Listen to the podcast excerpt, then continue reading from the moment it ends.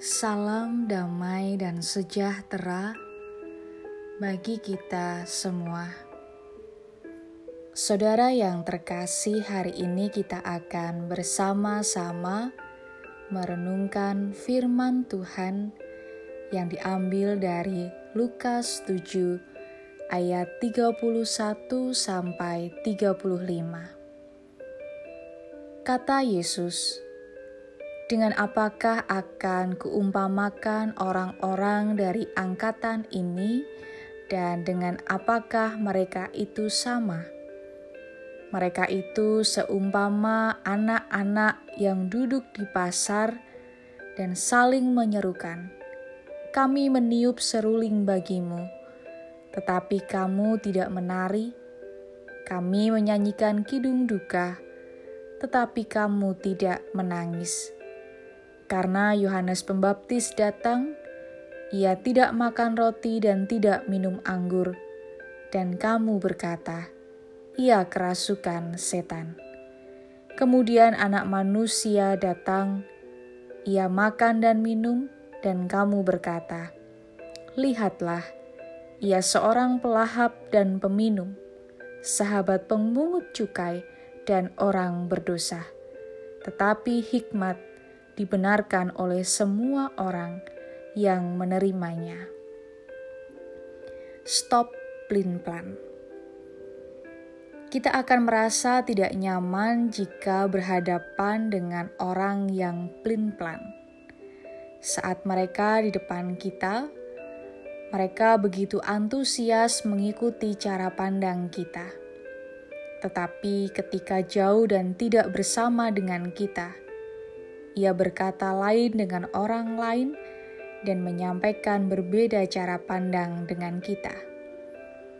Jika kita berhadapan dengan orang seperti itu, tentunya kita akan jengkel, bahkan tidak punya rasa percaya dengan orang yang plin-plan.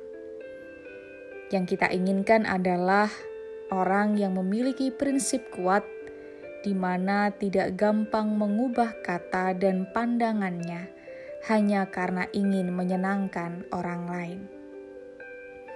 Pada bacaan kita hari ini, Tuhan Yesus sedang memberikan pertanyaan tentang identitas generasi yang dihadapinya.